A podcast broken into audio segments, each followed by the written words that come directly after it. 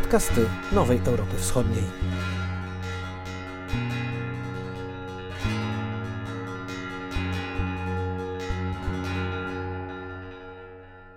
Agnieszka Bryc, Uniwersytet Mikołaja Kopernika. Czy Rosja jest szczególnym przypadkiem wykorzystania informacji w wojnie hybrydowej czy w wojnie informacyjnej?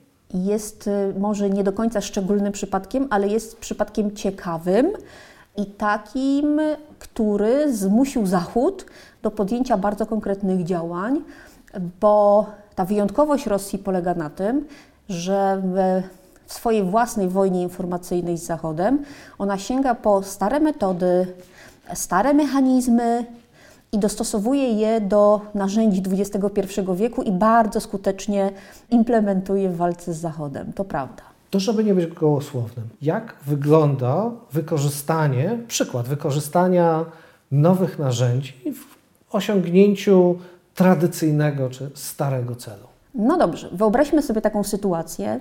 E, Rosjanie mają świadomość od lat tego, że mm, w rywalizacji militarnej z Zachodem oni mogą w pewnych elementach być partnerem. To znaczy liczyć się w, w rywalizacji, liczyć się w tej pierwszej czołowej stawce. Natomiast w większości nie stać ich na to, aby prowadzić równorzędną, rywalizację ze światem zachodu e, szeroko pojętym. I mm, oni bardzo szybko wyciągnęli bardzo konkretne wnioski. To było Kosowo, to była wojna w Zatoce Perskiej, najpierw pierwsza, potem druga. I to, co zrobił prezydent Putin, bo o, mówimy tak naprawdę o erze Putina, to doszedł do wniosku, że rozwijając metody wojny informacyjnej, Rosja daje sobie szansę stawać się państwem ważnym albo przynajmniej punktem odniesienia dla świata zachodniego, czyli ona unika w tym momencie marginalizacji. E, I teraz konkretnie co robi? Jeżeli nauczyła się żyć w świecie zglobalizowanym, my wiemy, że globalizację stworzyła nie cywilizacja euroazjatycka, rosyjska czy chińska, ale stworzył świat zachodni. E, to Zachód dał internet, to Zachód dał cyberprzestrzeń, to Zachód dał nowoczesne media i nowoczesne technologie w świecie mediów, zwłaszcza w świecie informacyjnym, tym sieciowym. I to, co zrobili Rosjanie, to wykorzystali stare media, to znaczy stare instrumenty dostępne wszędzie, także dla świata zachodniego, natomiast wykorzystali je w takim użyciu militarnym. Oni przedefiniowali koncepcję wojny e, i dostosowali ją do tych narzędzi, które mogą wykorzystać. I jeżeli wiemy, co robią Rosjanie, czy to dzisiaj nikt nie odkrywa nowych lądów, Rosjanie po pierwsze wykorzystują w swojej wojnie informacyjnej dwie płaszczyzny. Ta pierwsza płaszczyzna to jest cyberprzestrzeń i to są instrumenty związane z technologią funkcjonowania w sieci, w internecie. I tutaj mamy hakerów rosyjskich, mamy operacje w cyberprzestrzeni, mamy słynne prawda, ataki rosyjskich hakerów, specjalistów, tych grup powiązanych czy to z FSB, czy z KGB, na przykład na infrastrukturę krytyczną poszczególnych państw. To jest próba między innymi przejęcia całej masy maili, Partii Demokratycznej, to jest ta historia z wyborów amerykańskich w 2016 roku. To jest na przykład próba podważenia, czy w ogóle e, zniszczenia prób przygotowawczych do tej olimpiady w Tokio, która się nie odbyła, ale za moment, miejmy nadzieję, się odbędzie. I takich działań rosyjskich jest wiele. Więc e, na poziomie militarnym Rosjanie uznali cyberprzestrzeń za kolejny wymiar jeżeli nie rywalizacji, to wojny czy konfrontacji ze swoim wrogiem. Natomiast ta druga przestrzeń tej samej wojny informacyjnej to jest wojna sieciowa. I ona już nie dotyczy kwestii technicznych, tylko tutaj wojna dotyczy sfery informacji, świadomości. E, to jest taka kognitywna rywalizacja i próba oddziaływania masowego na postawy, poglądy, świadomość i zachowania społeczeństw państw zachodnich.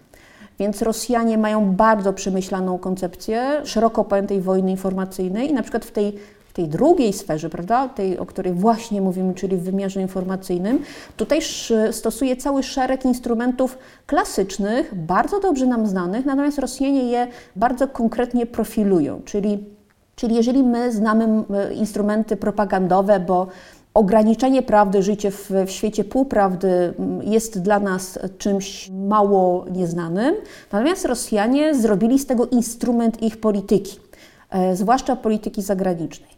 Więc mamy e, upowszechnianie propagandy, pewnego bardzo konkretnego wizerunku, nacelowanego na to, aby podważyć fundamenty świata zachodniego. Bo tu nie chodzi o to, żeby, się, żeby pokonać Zachód w sposób militarny, tylko można Zachód zniszczyć, albo przynajmniej nim mocno wstrząsnąć, rozsadzając go od środka, czyli szukać miękkich punktów, tych takich luk i próżni, które można wypełnić albo wykorzystać, żeby przeniknąć do świata zachodniego i rozsadzić świat zachodni tymi instrumentami, które świat zachodni ceni najbardziej, czyli z wykorzystaniem dostępu do informacji, wolnych mediów, demokracji itd. Tak czyli przypomina się Maksyma Lenina, który stwierdził, że Zachód sam ukręci sobie sznur, na którym zostanie powieszony. I w związku z tym do głowy przychodzi pytanie, czy widzimy takie działania Rosjan również w Polsce? Czy jest w stanie Pani podać konkretne przykłady? Och, tutaj oczywiście to nie jest ani informacja tajna nad zaangażowaniem Rosji w Polsce. No, tym zaangażowaniom przyglądają się liczne instytucje, także rządowe, e, przygląda się świat akademicki i przyglądają się specjaliści. I w pierwszej kolejności można powiedzieć tak, że nie możemy, bo to jest też kwestia dowodów, prawda? Złapania e, Rosjan z palcem na, przy, na przycisku Enter, jeżeli nie z tym smoking gun, y, ale w rzeczywistości wygląda to tak, że w tym momencie ten obraz jest trochę rozmyty. My naprawdę nie jesteśmy w stanie powiedzieć, że pan X i instytucja Y pracują dla Rosjan i są przez Rosjan opłacani. To byłoby zbyt proste. Rosjanie nie tyle odeszli, ale nie muszą wykorzystywać już dzisiaj tych starych metod klasycznej agentury, którą my kojarzymy z okresem zimnej wojny, czyli ta wojna szpiegów i tak dalej, i tak dalej. To są ciągle ważne metody, ale już dzisiaj nie, wydaje się nie do końca priorytetowe. To, co robią Rosjanie i to, gdzie można znaleźć wpływy rosyjskie w Polsce, w polskiej także sieci, to jest przede wszystkim powielanie, często skąd absolutnie nie mających nic wspólnego z, ze źródłem rosyjskim, bo często konta w sieci i portale w sieci są, czy strony internetowe, one znajdują się w pewnej takiej, takim trochę roju, czy mają charakter sieciowy, więc żeby dojść do tego źródła, trzeba naprawdę przejść przez cały szereg krętych uliczek, powiązań, zapór i tak dalej, żeby e, doszukać się, kto stoi za danym portalem. A tak już mówiąc konkretnie, jeżeli jesteśmy osobą, która e, ma poglądy prawicowe, ale to nie musi być osoba o poglądach takich centrowo-prawicowych. Znaczy Rosjanie w to, co robią konkretnie, to także w Polsce, a także powiedzmy w Europie czy na Zachodzie, to wzmacniają przekaz skrajny. Niezależnie od strony, z lewej i prawej Nie strony. ma znaczenia, nie ma znaczenia. Więc trudno jest nam wskazać, że partia, powiedzmy zmiana, która oskarżana jest o to, że ma powiązania rosyjskie, ona może mieć powiązania rosyjskie i być może, być może je ma, natomiast to, co Rosjanie ostatnio preferują, to jest wykorzystywanie takiego syndromu, takiego mechanizmu użytecznych idiotów. Czyli my możemy żyć w przekonaniu, że nasze poglądy służą Polsce, że upowszechniając pewne i tutaj jest zastrzeżenie, skrajne poglądy, robimy to dla dobra Rzeczpospolitej, a de facto jesteśmy nieopłacanymi, użytecznymi idiotami Kremla. I konkretnie, ponieważ to, co pozwala Rosjanom tak dosyć miękko wchodzić w świadomość Polaków, to jest obecny i w Rosji, i w Polsce szeroko pojęty konserwatyzm, prawda? czyli promowanie wartości tradycyjnych, konserwatywnych, takich zdystansowanych wobec liberalnego świata Zachodu, między innymi Unii Europejskiej. I to jest to, co wykorzystują Rosjanie. Znaczy wzmacniają postawy na nie i anty. Czyli jeżeli ktoś był w stanie powiedzieć, że cenimy swój konserwatyzm, ale Unia Europejska nie jest, nie jest zgniłą Europą, to zakładamy, że w tym momencie ta osoba jeszcze zachowuje pewną samodzielność w myśleniu. Natomiast jeżeli zaczynamy na zasadzie przyjmowania pewnych informacji z różnych stron, ale ze źródła rosyjskiego, czyli o bardzo określonej treści, czyli zaczynamy powielać narrację rosyjską, to zaczynamy mówić językiem Kremla. Konkretnie, Unia Europejska jest częścią zgniłego Zachodu, ten zgniły Zachód że w Europie, Rosjanie mają takie powiedzenie gej Europa, czyli taka gejowska Europa, czyli w tym momencie oni pokazują, że są centrum świata, może znaczy nie centrum świata neokonserwatywnego, ale są tym, którzy powstrzymują zalew lewackości z Zachodu. Jeżeli my słyszymy od naszych, prawda, przyjaciół, znajomych, kolegów, koleżanek, że świat zachodni zalewa nas, Polskę, swoją zgnilizną, promocją wartości czy ideologią LGBT, to ja mam czerwoną lampkę w głowie, e, ponieważ słyszę w tle narrację rosyjską. Co więcej, jeżeli słyszymy hasła takie, że jesteśmy jako Polska ostoją, ostoją tego ostatniego bastionu prawdziwych, ciągle chrześcijańskich wartości, to ja znowu słyszę podobne hasła ze strony Moskwy, bo tam też jest ostatni bastion e, chroniący wartości chrześcijańskie, w tym przypadku prawosławne, ale one są zawsze konserwatywne. I to, co widzę, jeżeli na przykład ktoś nadmiernie powiela argumenty takie, że oto mamy Unię Europejską, która się rozpada, prawda? Mamy świat zachodni, który stoi na skraju przepaści. To ja nie słyszę narracji samodzielnej polskiej, tylko słyszę rezonans rosyjski. Więc odpowiadając na, na Pana pytanie, szukając źródeł wpływów rosyjskich, nikogo nie złapiemy za, e, za rękę. My możemy po pewnych przesłankach i tropach doszukiwać się wpływów i inspiracji rosyjskich. I to jest to, co stanowi główne zagrożenie. Więc jeżeli mielibyśmy szukać, już tak bardziej konkretnie podawać, to mamy środowiska zagrożone wpływami rosyjskimi, są środowiska skrajne skrajne, skrajnie prawicowe i skrajnie lewicowe. Tu chodzi o to ekstremalne podejście. To są środowiska, które promują e, pewne, znaczy może inaczej, są aktywne, czyli są gotowe do działania. To nie są subtelni naukowcy, to nie są krytycznie myślący dziennikarze, tylko to są aktywiści z jednej i z drugiej strony. Prawda? Jeżeli mamy narodowców skrajnych, no to oni na przykład maszerując dzisiaj 11 listopada i wykrzykując hasła e, obrony chrześcijańskiego charakteru Polski, e, albo ochrony Polski przed gejowską Europą, tą liberalną, lewacką i tak dalej, to, to widać przyjęcie i taką internalizację, czyli wchłonięcie i adaptację narracji rosyjskiej. Te same środowiska, zwykle romansujące z daleko idącym nacjonalizmem, one powielają takie uwielbienie dla modelu państwa scentralizowanego, państwa autorytarnego.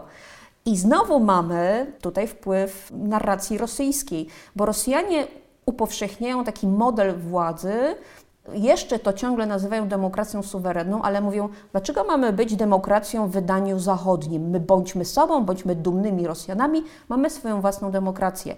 Nami rządzi prawdziwa, silna władza. I ja to słyszę, takie trochę adorowanie prezenta Putina przez polskich narodowców na zasadzie takiej, że Polska może być tak samo silnym, scentralizowanym państwem, w którym jest prawo i porządek a to bardzo przypomina narzucanie prawa i narzucanie porządku państwa autorytarnego.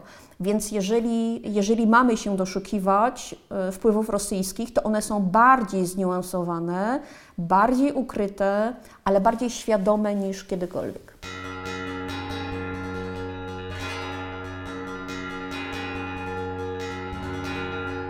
Ale część tych środowisk skrajnych jest też otwarcie antyrosyjska. Tak. I to nie przeszkadza? Użytecznemu idiocie nie przeszkadza to, że wypowiada się w sposób antyrosyjski, ponieważ on nie ma świadomości, że de facto działa w interesie Rosji.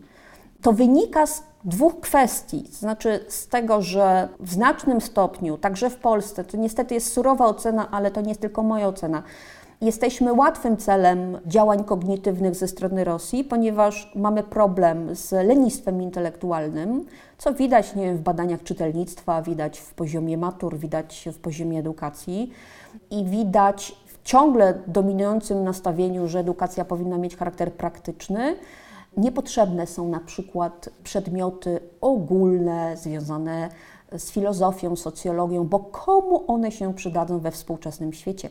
I to jest ten pierwszy błąd, bo jeżeli mamy mieć świadomość tego, jak zwalczać albo jak bronić się w wojnie informacyjnej, to pierwszym, drugim i trzecim założeniem albo pierwszym i drugim, trzecim elementem obrony jest wzmocnienie i postawienie na nauki społeczne to znaczy, trzeba naprawdę wrócić do podstaw edukacji, żeby mieć społeczeństwo znacznie lepiej wyedukowane, a tym samym bardziej wrażliwe, lepiej wykształcone i tym samym lepiej identyfikujące zagrożenie, czyli identyfikujące źródło manipulacji mojej własnej świadomości, moich własnych wartości, przekonań i postaw. Do tego prowadzi nie tylko i wyłącznie, nie mówię, że mamy się nie kształcić na kierunkach technicznych, ale mamy mieć świadomość tego, że porządna edukacja klasyczna, nie unikająca filozofii, socjologii czy nauk o polityce i ekonomii, to da nam e, instrumenty obronne. To jest jedno, to jest jedna kwestia. Druga kwestia to jest to, że niestety dominuje, to jest trochę może zbyt krytyczne, ale społeczeństwa zachodnie, także polskie, ma problem z e, kompetencjami informacyjnymi, to znaczy intelektualnymi. Czytanie ze zrozumieniem. Dokładnie tak, czytanie ze zrozumieniem. I tu się kłania brak edukacji, obniżenie poziomu edukacji i społeczeństwo, które nie jest nauczone myślenia krytycznego, nie będzie w stanie, bez względu na to, jak my bardzo, jako eksperci, jako rząd, jako instytucje międzynarodowe, będziemy nawet wskazywać palcem i pokazywać tu na Twitterze, to konto jest fejkowe, albo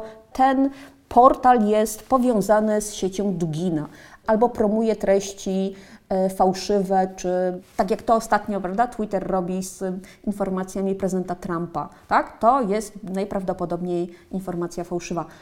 Jeżeli mamy społeczeństwo, które jest nienauczone myśleć, myśleć krytycznie, wątpić, stawiać pytania, tylko nauczone jest przyjmować wiedzę, nie kontestować wiedzy, nie zadawać pytań.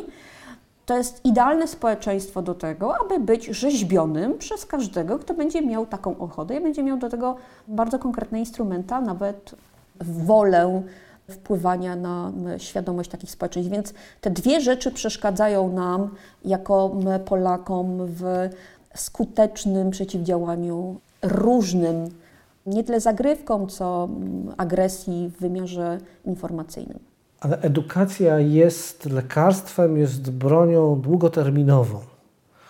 Z dnia na dzień tego nie zrobimy. Z dnia na dzień nie zmienimy mediów i nie przekonamy, że ciłanie kolejnych złotówek nie wystarczy, trzeba też być odpowiedzialnym. Nie przekonamy rodaków, żeby zaczęli zajmować się filozofią, a nie tylko e, stawali się fachowcami od medycyny i od budownictwa. Czy są działania, które można podjąć szybciej niż w skali cyklu edukacyjnego? Tak, tylko trzeba pamiętać, że powinniśmy działać w wymiarze ad hoc, czyli tu i teraz, czyli tam, gdzie możemy łatać dziury, i w wymiarze tym długofalowym, czyli jednak poważnie podejść do kwestii edukacyjnych.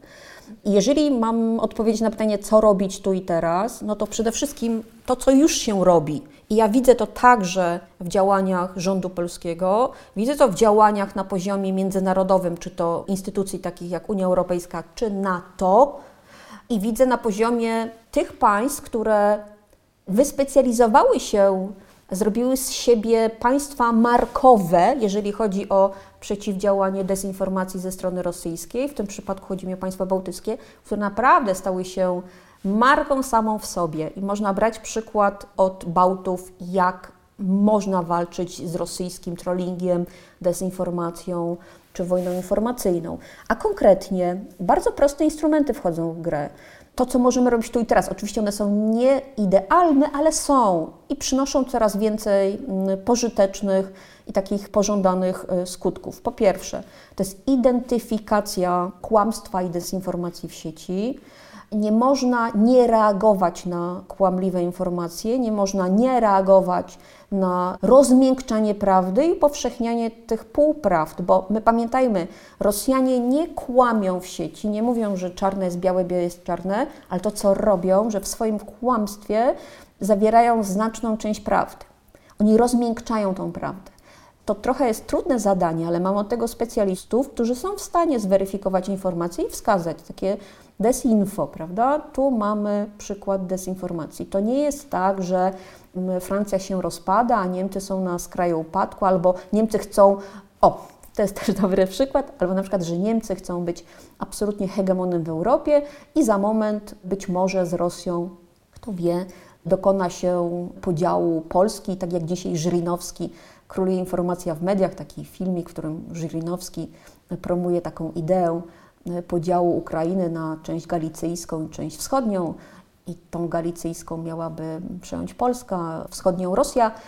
To są pewne takie trochę czasem balony próbne, być może Rosjanie czekają na reakcję ze strony polskiej, oczywiście nieoficjalną, ale prawda, chcą zobaczyć, jak zareagują różne środowiska w Polsce. Bo na przykład pomysł podziału Ukrainy może się podobać pewnym skrajnym środowiskom bardzo narodowym. I to jest to, jak Rosjanie prawda, zarządzają informacją, dezinformacją i taką pośrednią, zmanipulowaną półprawdą. Więc to trzeba nazywać, pokazywać, etykietować. Dwa, trzeba przeciwdziałać.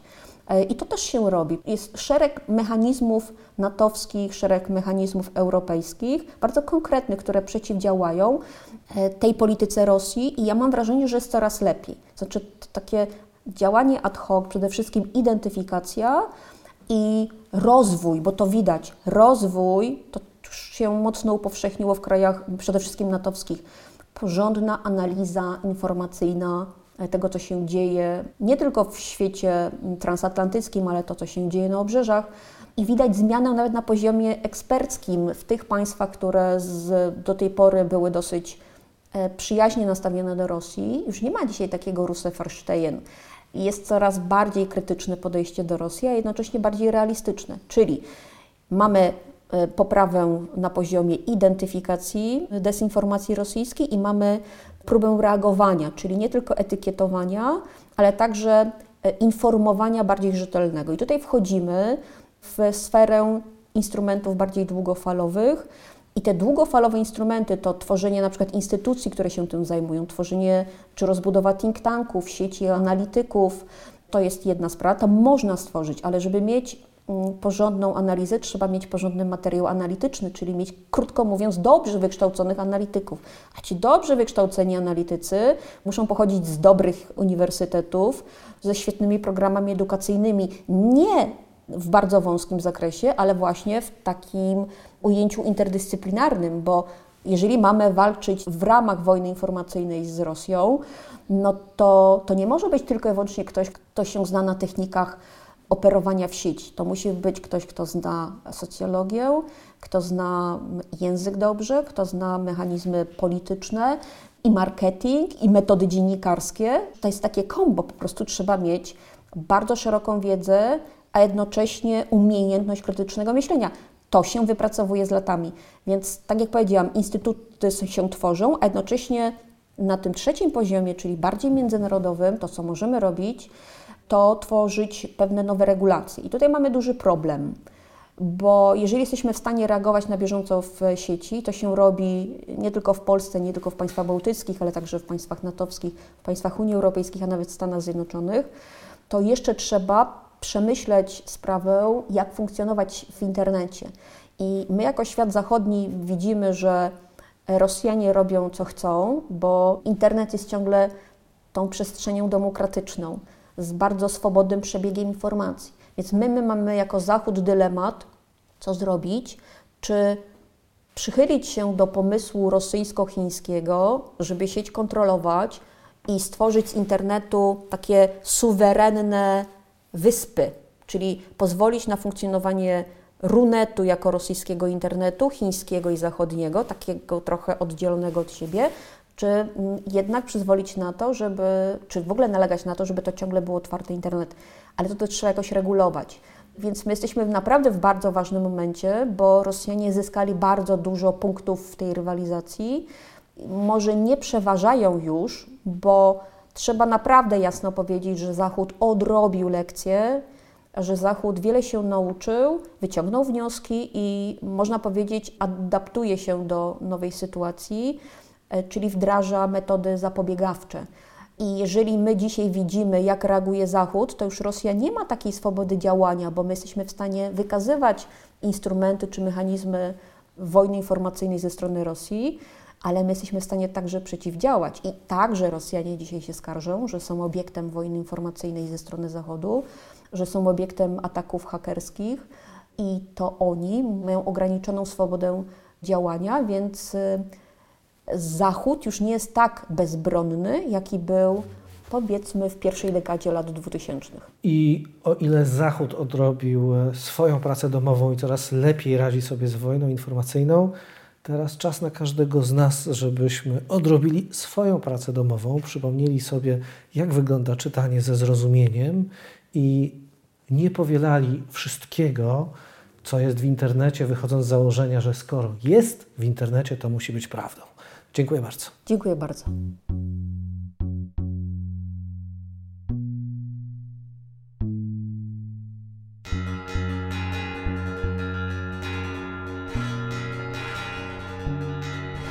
Podcast zrealizowany przez Free Range Productions.